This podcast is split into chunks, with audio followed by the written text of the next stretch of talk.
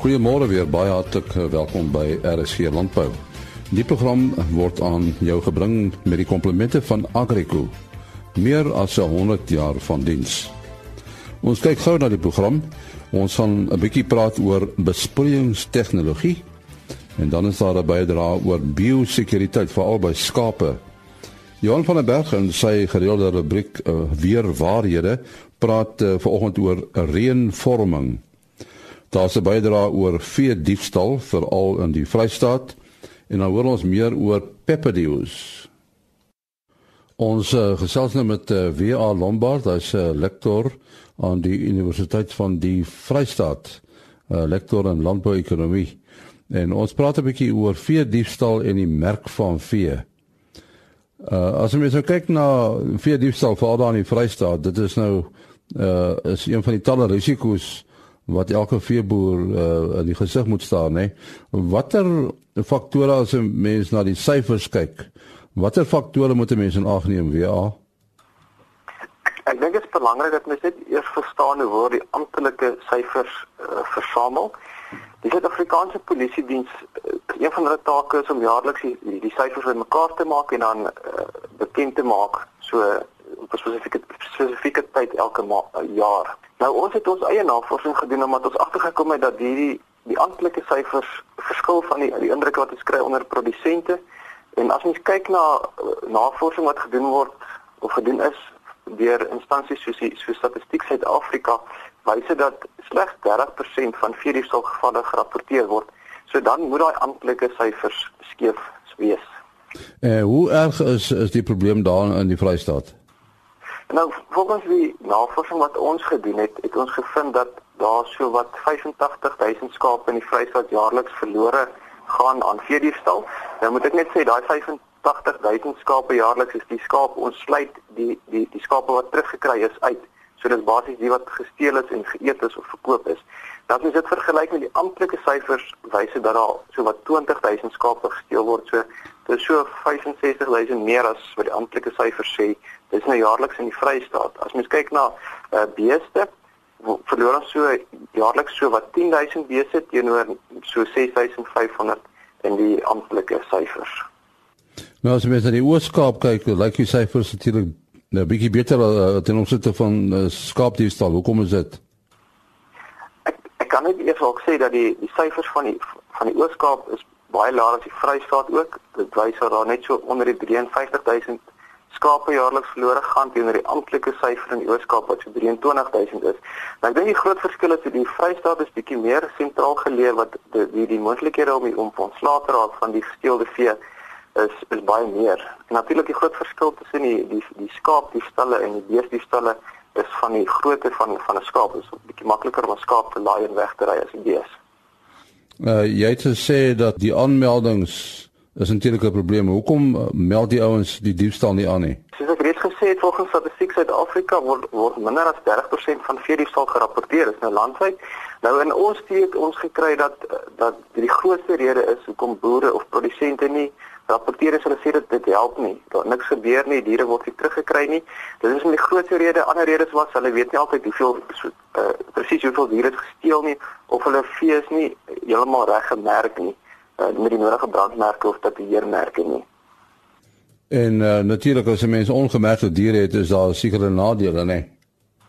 Die definitief volgens die die wet op diere identifikasie word word daar van produsente vereis dat hulle beeskalvers teen die ouderdom van 6 maande gemerk moet wees met minstens iets soos 'n tatoeëermerk en hulle moet dan gebrand wees teen die ouderdom wat hulle 2 tand ouderdom bereik.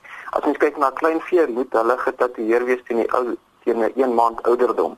Ehm uh, produsente moet ook onthou dat hulle kan 'n boete opgelê word as hierdie ongemerkte vee in hulle besit gevind word. WA, wat wat is die nadele dan van ongemerkte diere? Ek dink net eers wat mens noem is die volgens die statistieke wat ons het, wys dat slegs 13% van die vee wat in Suid-Afrika gesteel word, um, gemerk is met die korrekte brandmerke of tatoeëermerke en is in die Vrystaat spesifiek uh, bevat slegs 70% van die van vee die korrekte merke. Nou moet ek net sê dat produsente moet onthou die die polisie kyk na watter diefstalle is is die ergste om hulle om hulle beskikbare hulpbronne toe te deel. Dis nou dis voertuie, personeel en toerusting ensovoorts. Nou as as dit lyk asof veediefstal uh, afneem, dan word daai hulpbronne verskuif na ander probleemareas of probleemdiefstalle. As gevolg van produsente wat nie vee ehm uh, merk nie en ook dan ook nie rapporteer nie, maak eintlik die probleem vir hulle self groter. Nou sê baie dankie aan W.A. Lombard, lektor in landbouekonomie aan die Universiteit van die Vrystaat. Weer waarhede saam met Johan van der Berg.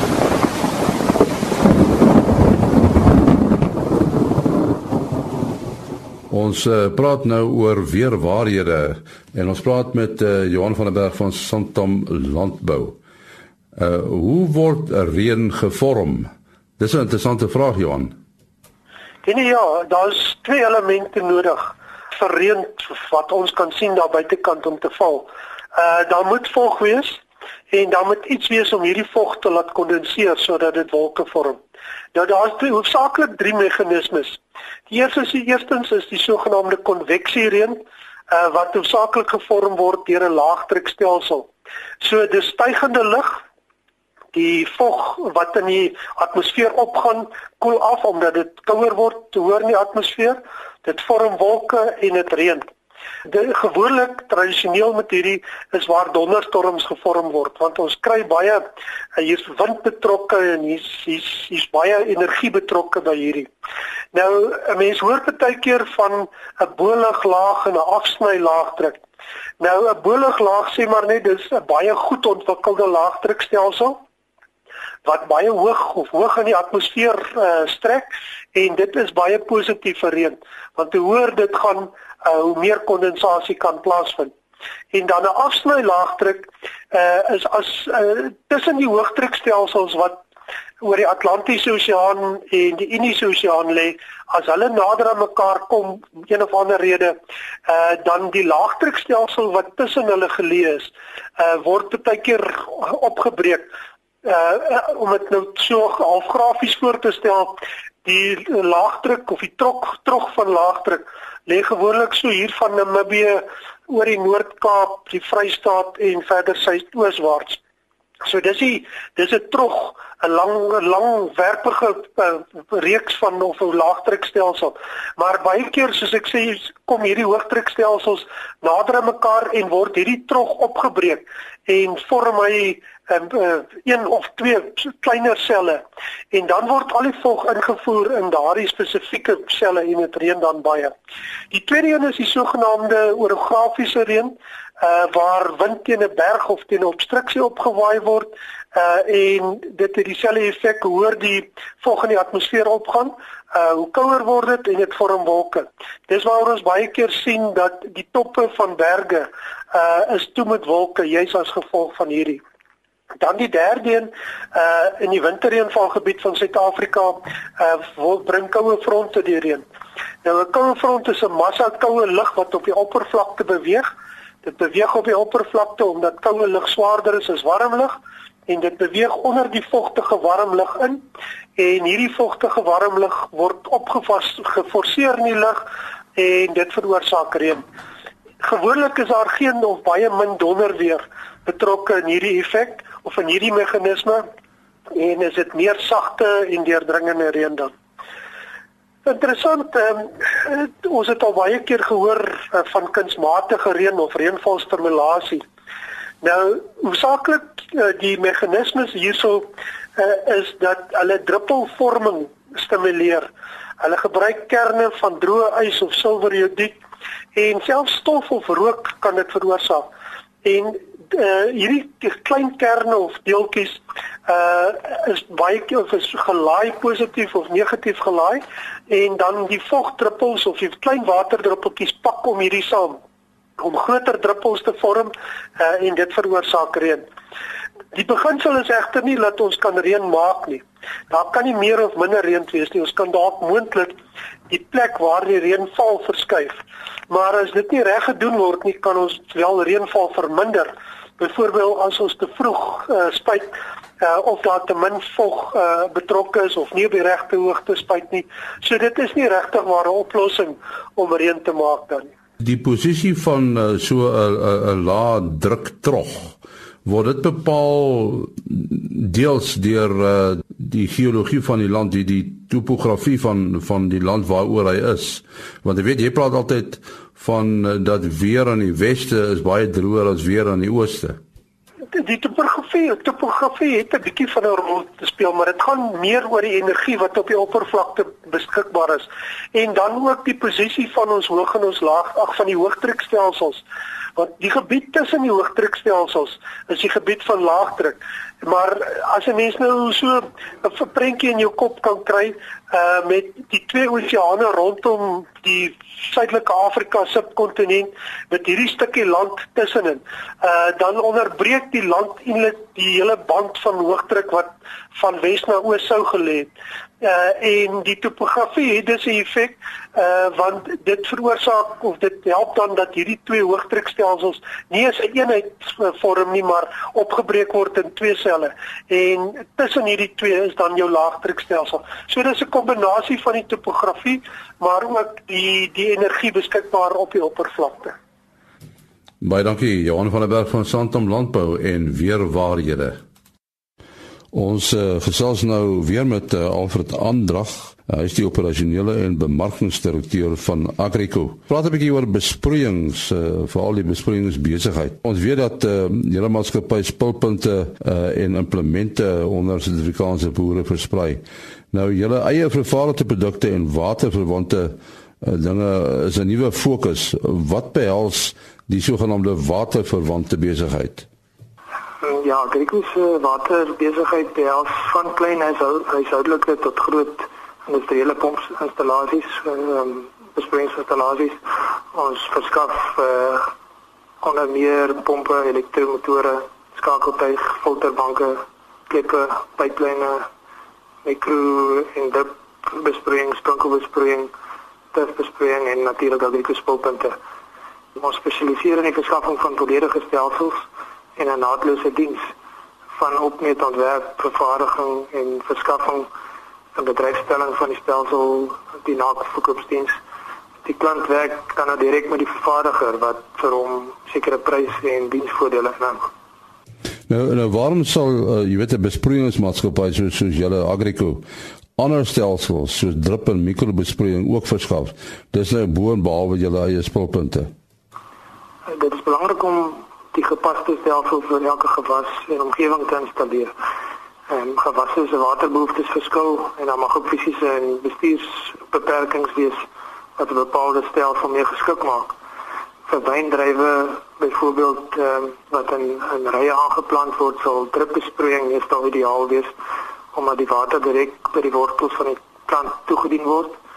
Ehm um, daar is uh, baie min verdamping, so jy werk baie ekonomies met jou water wat 'n skaars hulpbron is.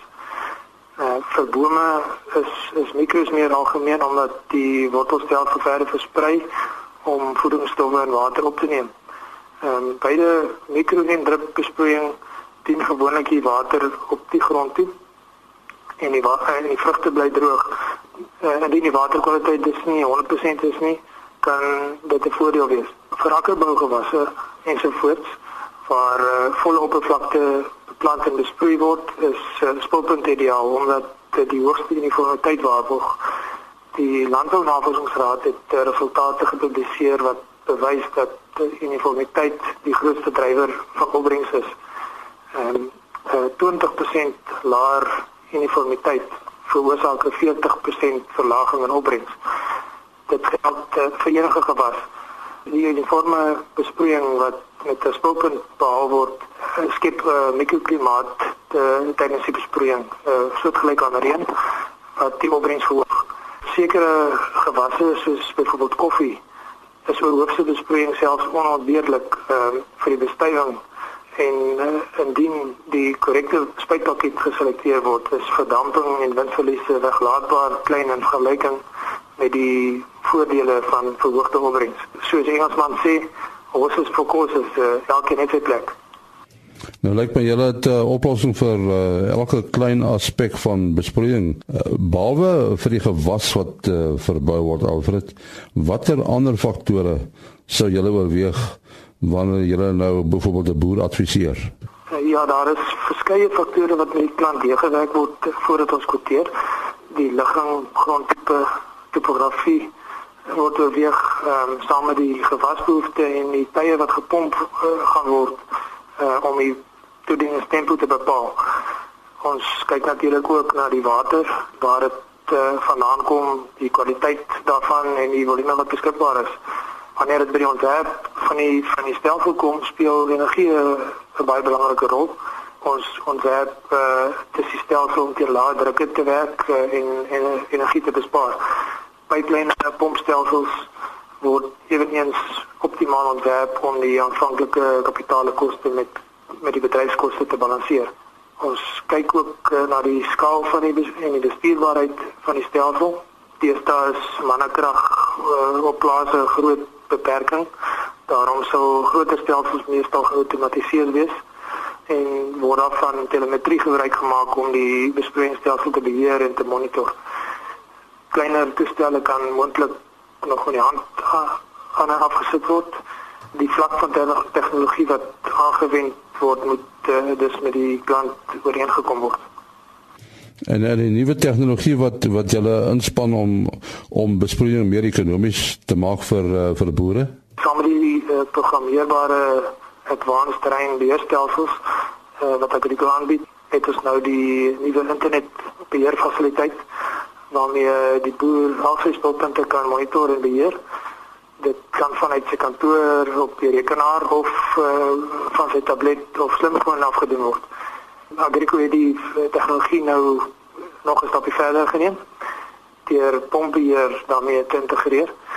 Die druk by die boer se spulpunte of by sy besproeiingsblokke kan gebruik word as insette om die pompe met behulp van VSD's ehm um, veranderlike spoed uh, reëlaars te beheer om net genoeg druk te gee, maar nie te veel nie. Alles uh, op dieselfde platform as die spoelpunte. So word energie bespaar. Elektrisiteit uh, is een van die besproeiingsboere se grootste insetkoste. Daarom is dit 'n uh, belangrike hulpbron om te bestuur as jy meer winsgewend wil boer. Agrico sal by nummer 2017 spoelpuntbeheer en en pompbeheer demonstreer. So natuurlik is winsgewendheid uh, vir besproeiingsboere die belangrikste ding wat vir julle tel, nê. Nee. Verseker nie. Die die belangrikste is dat ons waarde moet toevoeg tot die klant se besigheid deur die gepaste tegnologie, betroubare produkte gerig steun deur goeie diens uh, vir hulle aan te bied sodat hulle meer winsgewend kan boer. Ehm um, dat kry ek slegs se bestaansreg as ons boere kan help om hulle hulpbronne beter te bestuur en lewens te maak. Dan sê ons sê baie dankie aan uh, Alfred Andrag daar van Agrico, hy is operasionele en bemarkingsdirekteur van Agrico. Ons uh, praat nou met Wikus uh, Joubert van Picante Peppers en uh, ons gaan 'n bietjie met hom praat oor die Pepperdew Internasionaal. Wie is hierdie uh, maatskappy Pepperdew Internasionaal, Wikus? Pepperdew Internasionaal is 'n voedselverwerkingsmaatskappy wat uh, wat hoofsaaklik fokus op die op die verwerking van pikante russies alhoewel ons ook baie baie ander produkte maak. En uh, die pikante russies is is is bedoel vir die uitvoermark. 85% van wat vervaardig word gaan gaan oorsee. Ja, die, dit is maar die maatskappy se se soort van kernbesigheid.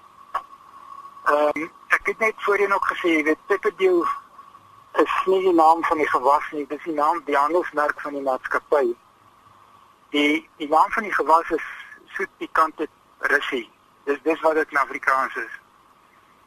Ehm um, ons fabriek is geleë in die Limpopo provinsie, uh, net buite Kanzani en van daar af doen ons die verwerking en van daar af word dit dan uitgestuur oor see.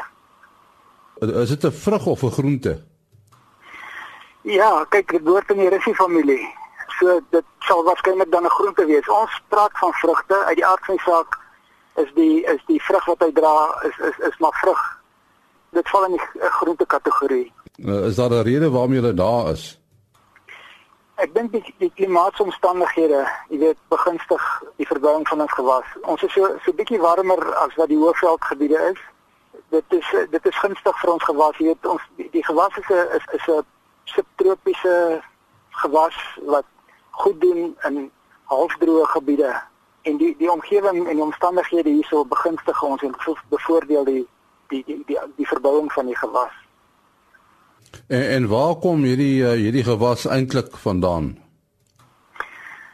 Die gewas is oorspronklik weet die die ding het wild gegroei in in Suid-Amerika iewers. En dit het op een of ander manier in Suid-Afrika beland en die Suid-Afrikaners het die die produk ontwikkel. Dis 'n reg Suid-Afrikaanse produk wêreldwyd. Dit is bekend as 'n Suid-Afrikaanse produk. Klaarproduk is egter reg Suid-Afrikaans. Dit word hier gemaak en dit in in, in ons maatskappy Peterdi International is 'n wêreldleier, 'n markleier sover dit die verwerking en die bemarking van die pikante russies aangaan. Daar's nou nie 'n verband tussen paprika en peperdew nie. Nee, daar daar's nee, wel paprika is behoort ook maar nie russie familie, maar daar's geen verband, daar's geen direkte verband nie. Nee, paprika brand nie. Jy weet hier is 'n brandrussie. En en die saad, uh, is dit moeilik om in die hande te kry van hierdie uh, hierdie peperdews? Die pikante bedryf in Suid-Afrika is is hulle 'n relatief klein bedryf. En die saadmaatskappye, jy weet dit dit uh, bevoordeel hulle nie om om saad te produseer nie. Jy weet die die bedryf is te klein, die mark is te klein met die gevolg as jy daarom 'n saad nie in die handel beskikbaar nie. Jy weet ou kan jy gaan koop by by een van die saadmaatskappye nie. Maar nee, die saad is vry beskikbaar. Ek bedoel as jy die vruggies het, kan jy jou eie saad maak. Nou ja, ons sê baie dankie aan uh, Vicky Gilbert. Hy is uh, van Picante Peppers. Ons uh, gaan nou so 'n bietjie oor biosekuriteit praat en uh, ons praat met Dr Paul Reynolds daarvan Dundee in KwaZulu-Natal. Nou hy is uh, onlangs deur die nasionale wolkwekersvereniging vereer vir sy veeartsenykundige werk veral rondom kleinvee gesondheid. Ons praat oor biosekuriteit. Dit is mos so half jou uh, stokperdjie bedrywigheid. Vertel vir ons die beginsel van plaas biosekuriteit. Wat behels dit en, en hoekom is dit so belangrik? Die woord basies in die plaaskonteks beteken net dat jy die siektes wat buite jou plaashek voorkom, buite jou plaashek wil hou weer direkte insette van jou kant af. So ehm um, dit is belangrik want baie van hierdie siektes oorleef goed in die omgewing. So as jy hom eers plek gee in jou plaas dan bly hy baie keer daar. Nou goed, hoe kom die siektes by jou plaas binne? Dit kan wees baie keer deur ehm um, diere wat jy inkoop. So dit is maar ehm um, 'n groot probleem of dit word versprei in die lug. En en die soort siektes wat by die plaas kan binnekom, wat is soort siektes? Kan jy 'n paar voorbeelde noem? Okay, so ehm um, siektes waarna mens kyk soos veral uh impak het op wol ekonomie, skaapbrand, siek en rooi luise, dan ook ehm um, absesse wat jou karkas uh, gradering beïnvloed. Weerstandige haarworm, hartwater, uh, aborsies, vrotpotjie en dan ook 'n belangrike een is uh Johnny se siekte.